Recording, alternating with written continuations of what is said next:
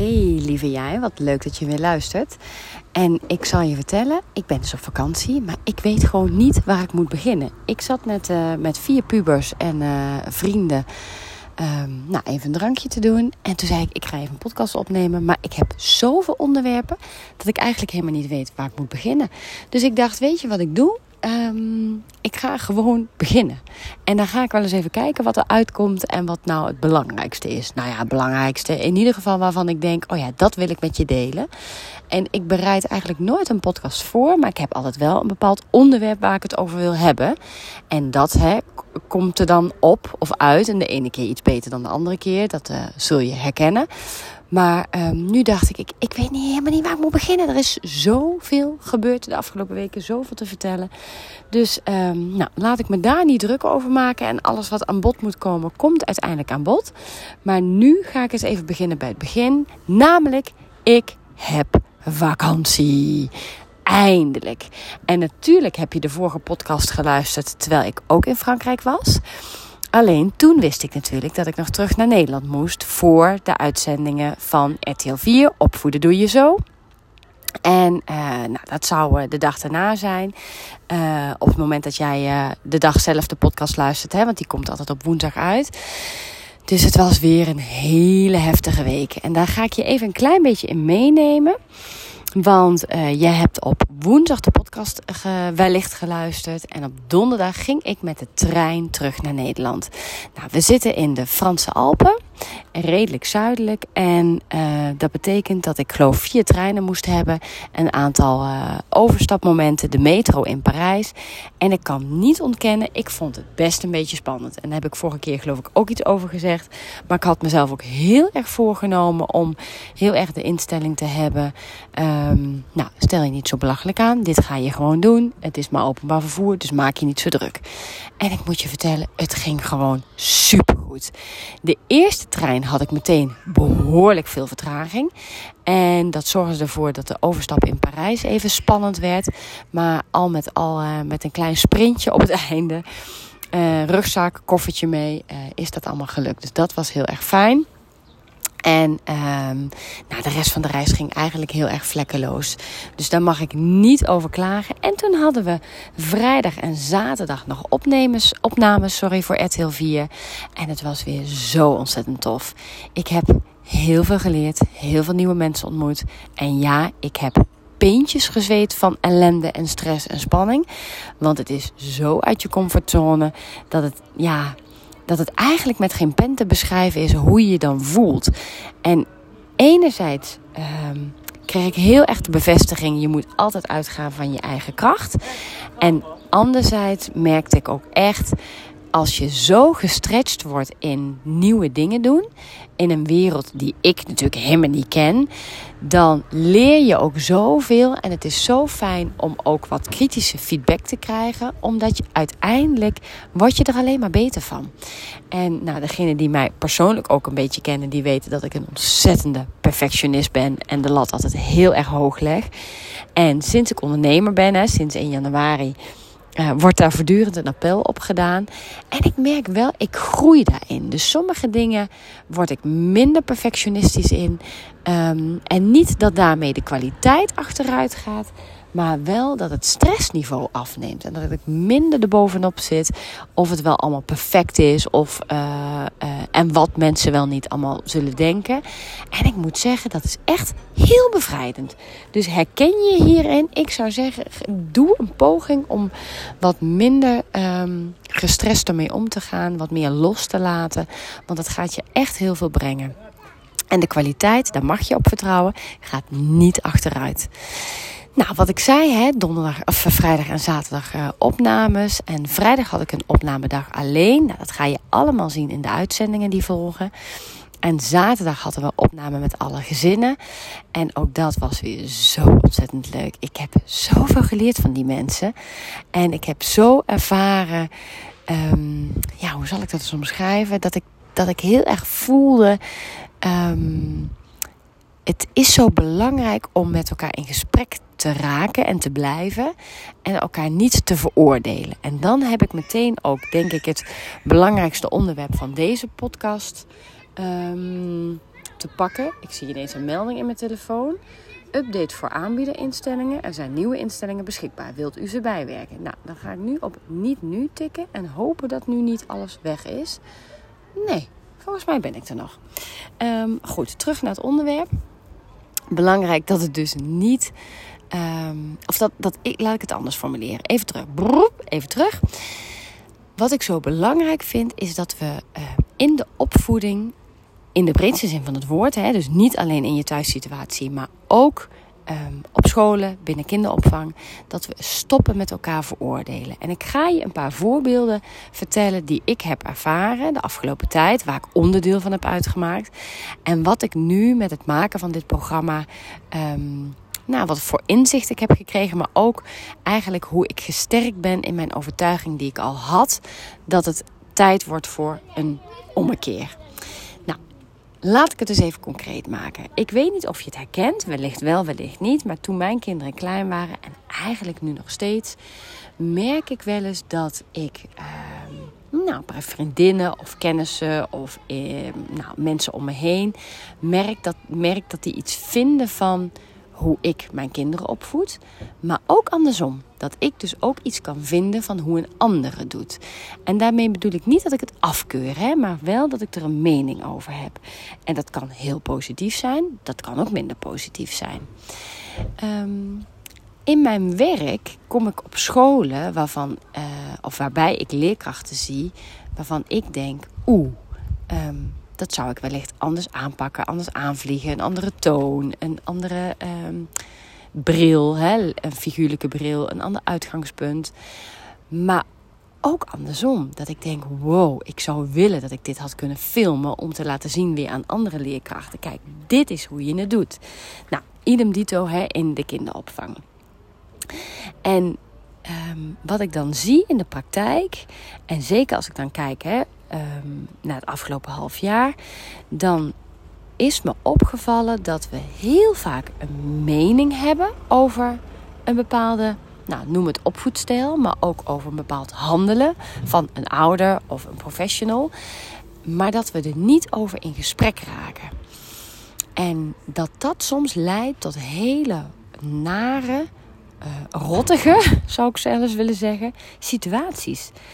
En het programma heeft mij geleerd dat als we daar nu eens mee stoppen en eens elkaar gaan bevragen en elkaar gaan helpen om uh, dingen duidelijk te krijgen, dat dat veel meer oplevert. Hoi, veel meer oplevert dan daar alleen maar een mening over vormen. Nou, ondertussen loopt hier wat personeel rond, maar dat is helemaal prima. Die uh, zeg ik even gedag en die uh, gaan hun ding doen.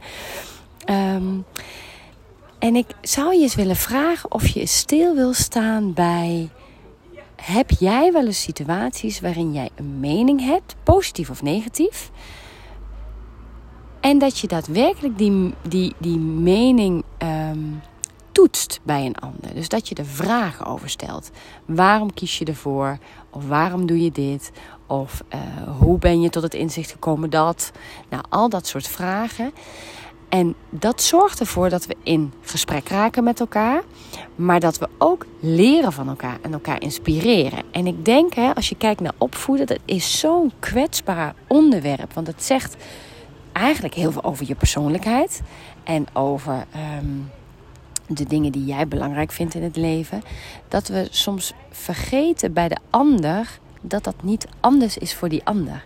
En dan hè, kom ik bij een stukje kern waar ik heel erg in geloof ik geloof dat iedere ouder, iedere professional het beste voor heeft met zijn of haar kinderen. En doet iedere professional, professional of ouder dan ook het meest handige? Nee, dat zeker niet. Maar ik denk wel dat iedereen de beste intenties heeft. En als we vanuit die intenties ehm, contact zoeken met elkaar en het gesprek aangaan, dan denk ik dat dat zo ontzettend veel meer oplevert dan elkaar veroordelen. Um, en misschien heb jij wel eens een situatie gehad waarin jij heel erg je veroordeeld voelde door een ander. En als het zo is, hè, dan vraag ik je echt met klem. Stuur me een berichtje via Instagram, via Facebook, hè, Messenger of via de mail. Om dat met me te delen. Want nou, mogelijk dat ik dat nog eens ga verzamelen, anoniem uiteraard. En dat ik daar in de toekomst nog eens wat mee wil gaan doen. Ehm, maar goed, het leven is momenteel zo druk dat dat nu niet aan de orde is. Maar ik wil wel heel graag je verhaal horen. Want die veroordeling, die heeft ongetwijfeld iets gedaan met hoe jij uh, je opvoedtaak bent gaan zien. Of je bent juist veel meer overtuigd geraakt van het feit: ik ben op de goede weg. Of je bent juist gaan twijfelen en je voelt je onzeker door het commentaar of de feedback die je gekregen hebt. En als ik dat dan weer doortrek in de afgelopen dagen en die opnames, en het verhaal van iedere ouder wat ik gezien heb. Want we gaan straks heel veel verschillende opvoedstijlen in het programma zien. We gaan heel veel verschillende persoonlijkheden in het programma zien. Ehm, maar wat ik er mooi aan vind, is dat er best met momenten zeer pittige discussies waren. En dat, nou, laten we zeggen dat er soms ook echt geen blad voor de mond genomen werd. Ehm, wat op zich helemaal niet erg is. Maar je ziet wel, en ik hoop ook heel erg dat we dat straks met elkaar gaan zien in het programma. Je ziet wel dat iedereen een bepaald respect heeft voor elkaar. En dat iedereen ook van elkaar wil leren. En je kunt heel erg overtuigd zijn van je eigen manier van opvoeden. Maar je bent ook nooit te oud, om even een cliché erin te gooien, nooit te oud om te leren. En het kan zo waardevol zijn om eens in je omgeving te gaan kijken: hey, hoe doet die het? Hoe doet die het? En dan heb ik het ook over professionals, hè? leerkrachten die een bepaalde manier van lesgeven hebben. Ga kijken bij anderen. Ga letterlijk soms, hè, maar soms ook figuurlijk door vragen te stellen aan collega's. Ga op zoek naar hoe een ander dat doet. En filter daaruit wat voor jou zinvol is. Waar jij van denkt, hé, hey, hier kan ik wat van leren. Omdat dat ehm, maakt jou een betere opvoeder. Dat zorgt dat jij je blijft ontwikkelen. En ehm, nou, om daar weer een parallel in te trekken hè, richting kinderen. Kinderen gaan bepaalde fases door. Dus wij als opvoeder gaan ook bepaalde fases door. En hoe ik het voorheen deed met mijn, nou noem maar even wat, hè, zes- en achtjarigen. Zo kan ik het nu echt niet meer doen. Ze lachen me vierkant uit. Ze nemen een loopje met me. Nou ja, ze, nou, ik hoef het misschien niet eens in woorden te vatten. Maar je kunt je voorstellen dat dat nergens op slaat dat is natuurlijk met jouw opvoedrol hetzelfde. Als jij altijd maar hetzelfde blijft doen, kan dat niet. Ook jij gaat, een bepaalde ontwikkeling door. Ook als mens. En dat vond ik uh, ook heel erg mooi om te zien. Is dat we zagen bij de deelnemende gezinnen. Is dat ook als mens zag je een ontwikkeling. En uh, nou, denk bijvoorbeeld aan een ouder die eerst heel erg zelfverzekerd is en overtuigd is. En die later denkt: hmm, maar een andere stel heeft ook mooie dingen. Of juist een ouder die heel erg onzeker is en denkt: ja, ben ik wel op de goede weg en moet ik het wel op deze manier doen? Die eigenlijk gaat ervaren. Maar het is prima zoals ik het doe. En hier en daar mag je misschien wat fine-tunen. Maar eigenlijk ben ik op de goede weg. En dat geeft ook weer een bepaalde ontwikkeling. Hè? Want ook daar leer je weer van. En ook dat is super waardevol. Nou, als ik dan kijk naar mezelf. Dan heb ik van deze ouders echt geleerd Ehm, dat het zo onwijs belangrijk is om te zorgen dat je open blijft, open in je vizier. En dat je niet iemand afkeurt op één situatie, maar dat je het totaalplaatje bekijkt. En mijn kinderen hebben ook wel eens zich als draken gedragen. Um, driftbuien gehad waarvan ik dacht, er komt geen end aan. Ik heb me gruwelijk onzeker gevoeld. Ik heb me met momenten ook zeer overtuigd gevoeld van mijn eigen opvoedstijl. Dat is normaal. Het is normaal dat dat allemaal elkaar afwisselt en dat je daarin zoekende bent. En hoe fijn is het als je die zoektocht dan kunt delen. En dat je niet in je eentje struggelt, maar dat je met vriendinnen uh, kletst over. God, maar waarom doe jij dat op deze manier? Of waarom kies jij ervoor om je kinderen juist uh, bepaalde dingen niet te laten eten? Hè? Ik noem maar even een, voordeel, een voorbeeld. Dus waarom kies je ervoor om geen strijd aan te gaan over eten? En waarom doe jij dat wellicht wel? Of waarom wil jij per se dat jouw kinderen in hun eigen bed slapen? Um, en hoe doen anderen dat? En dan nog mag je uiteindelijk tot de conclusie komen: ik wil per se dat mijn kinderen alles leren eten, of ik wil per se dat mijn kinderen in hun eigen bed slapen. Prima. Maar dan heb je wel een wat bredere kijk en kun je veel beter je eigen keuzes daarin maken. En ook ben je dan uiteindelijk natuurlijk veel meer bestand tegen feedback of kritiek, om het iets minder mild te noemen. Feedback of kritiek van een ander. Want dan heb jij jouw keuze gemaakt. Voor jou is het belangrijk dat jouw kind in, bed slaapt, in zijn eigen bed slaapt. En dat betekent dat jij soms heel lang naast een bedje zit. Soms heel erg veel strijd moet leveren om je kind te laten slapen. Maar dat is dan de keuze die je maakt. En een andere ouder zegt: Ik lever die strijd niet. Ik ga dat niet doen. Ik leg mijn kind bij me op het moment dat ik denk dat hij me nodig heeft, dat hij nabijheid en veiligheid nodig heeft. Nou, wat je reden ook is. En dan is dat je keuze. En dan kun jij daar volledig achter staan. En dan own je dat, hè, om het maar eens even met een modern Engelse term te noemen. Dan own je die keuze en dan zeg je: Dit is waar ik voor sta. Nou, en op het moment dat je dat onderzocht hebt bij jezelf, hè, en in de fase waarin jij zelf als mens zit, maar ook waarin jouw kinderen zitten, dan zul je gaan merken ehm, dat het opvoeden makkelijker wordt, omdat het bewuster gaat. En die bewustwording, dat is denk ik een heel ehm, belangrijk speerpunt. Hoe bewust ben jij je van een bepaalde opvoedstijl die jij hanteert? Of hoe bewust ben jij van bepaalde keuzes die jij maakt in een ehm, situatie? En ehm, nou ja, ik wil eigenlijk niet te veel inhoud verklappen, want dat ga je allemaal nog terugzien. Ik ben heel nieuwsgierig naar de montage, want ik heb natuurlijk geen idee wat ze er allemaal uitknippen en wat erin blijft en hoe het vormgegeven wordt. En dat is misschien ook eigenlijk helemaal niet zo belangrijk. Want er zijn allicht hele waardevolle dingen voor je uit te pikken. Maar er zullen ook situaties zijn waarin jij denkt: ja, dag, ik vind het echt belachelijk. Of ik zou dit helemaal anders doen prima. Maar veroordeel niet. Hè. Je mag meningen hebben, maar veroordeel het niet. Maar ook die ander heeft een reden waarom die doet wat hij doet. En een ontzettend mooi voorbeeld, uh, wat ik even hier van de camping daarop wil geven als aanvulling, is dat wij, uh, nou, een paar plekjes verderop staat een gezin. En uh, nou, ik kan niet ontkennen dat daar best veel strijd is. Um, strijd tussen ouders en kinderen over van alles en nog wat. En um, wat ik merk is, of ja, is natuurlijk een beetje van afstand, hè, dus makkelijk lullen dit. Um, maar om je wel een beetje een inzichtje te geven, wat ik merk is dat deze ouders bepaalde keuzes maken. Maar ik heb wel het gevoel dat ze er volledig achter staan. Zijn het altijd in mijn optiek de meest handige keuzes? Moi, nee, dat denk ik niet. Maar ze staan er helemaal achter. En dan denk ik, prima. Want die kinderen voelen ook dat deze ouders hier achter staan. We hebben het hier niet over hele heftige dingen. Dus als zij bepaald. Um, nou, laten we nog even dat eetvoorbeeld geven. Hè. Belangrijk vinden dat die kinderen uh, bepaalde dingen eten. En um, dat ze daar ook hier de strijd over aangaan. Oké, choose your battles. Dan ga je dat doen. Maar er zijn ook momenten waarin ik denk: wow, nu stemmen ze zo mooi en goed af op de behoeftes van die kinderen. Daar kunnen we met heel veel mensen nog heel veel van leren. Dus het zijn ook steeds momentopnames. Er zijn keuzes in de opvoeding die je maakt. En ik vind het belangrijk dat je daarover nadenkt en dat je niet maar wat doet voor je gevoel.